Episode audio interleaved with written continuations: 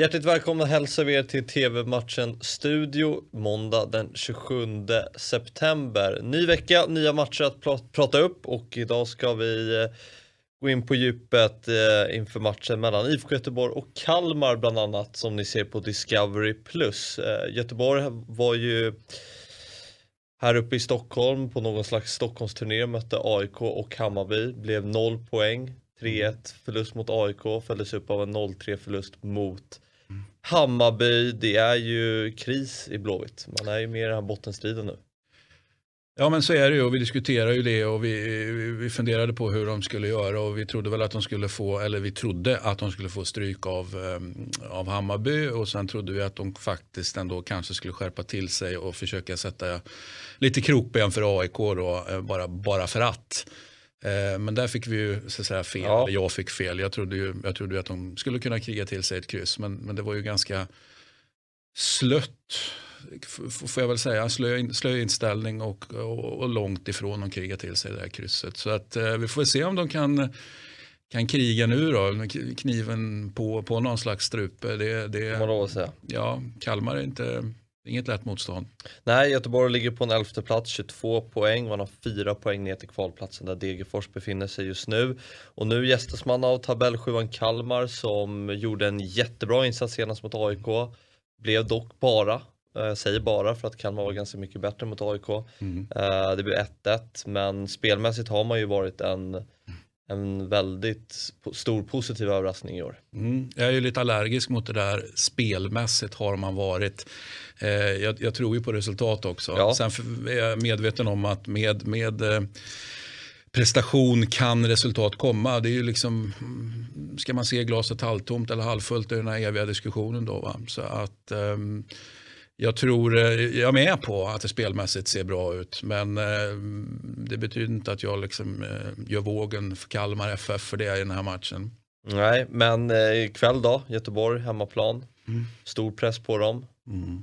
Men hemmaplan och, och, och, stor press, jag tycker det är och, och, fullt av, som vi konstaterade tidigare, de här återvändande rutinerade spelarna, även om en del av dem är, är borta på, på grund av skador och så vidare. Så, så du drev ju tesen här att det, det är de här matcherna de tänder till. Kanske inte mot eh, motstånd som Kalmar, Precis. men ändå när det gäller som mest, mm. då i alla fall kickar de här liksom rutinerade. Då, om någon gång, är de att lita på. Så att eh, den tesen drev du. Eh, och jag eh, smygansluter mig till den och tänker att de steppar upp i den här matchen och, och eh, sopar hem segern helt enkelt. Mm. Det, det känns som att Göteborg nästan måste tvingas göra många mål för att vinna för de släpper ju in så kopiöst mm. många mål i nästan mm. varje match. Mm. Så är det, de är ju det här när man har fingrat på sitt DNA. Liksom. Vi, vi, vi är en fotbollsklubb, vi spelar den här fotbollen och sen så kommer de på att nej men vänta nu, vi ska börja spela en, eh, en ganska annorlunda fotboll och sen så eh, går inte det, får, man får inte det utfallet som, som, som är tänkt eller som man har hoppats på och sen så så säga, byter man tillbaka då. Så det, det, man håller på med här är ju att hatta, hatta mm. från så säga, defensivt till tydlig offensiv och stort bollinnehav och så är man tillbaka då i mer nu ingenting. De, defensiv skrud då, eh, defensiv skrud. Så att det är ju det är inte att rekommendera och det är inte imponerande på något sätt när en klubb håller på. Och det är ju egentligen en klubbledning som mm. håller på. För det är en klubbledning som någonstans tar de besluten och det är en sportchef och, och det tillsätts en tränare som egentligen bara utför liksom, enligt order helt enkelt. Om du förkastar med ett resultat? Ja, du menar förutom att IFK Göteborg vinner? Förutom att IFK Göteborg vinner. Nej, ja, det är 2-1 då säger jag. Mm. Jag säger att Kalmar vinner med 2-0. Eh, matchen ser ni 19.00 på Discovery+. Vi förflyttar oss till Italien och Serie A och mötet mellan Venezia och Torino som ni ser på Simor. Torino som vi har pratat om eh, ganska mycket. Ganska mycket. Det måste vara tredje gången vi Jag tror det. Vi säger så här, de, de, har, eh, de har matcher på, liksom, som ligger utanför lördagarna och söndagarna. Exakt. Bra speldagar. Eh, men Venezia, en härlig nykomling. De snackades upp mycket inför säsongen med deras hemmaställ som var väldigt populärt. Ja, det är där jag har gått av dem mest. Bra marknadsföring. Precis, när det är det, de snackades upp för, för, inför säsongen. Jag tänkte, vad, vad, vad säger du? men jag är med på det. Det var, det var mycket snack om att ah, men det där är snygga, alltså nykomlingen Venezia har snygga ställ. Och det håller jag med om.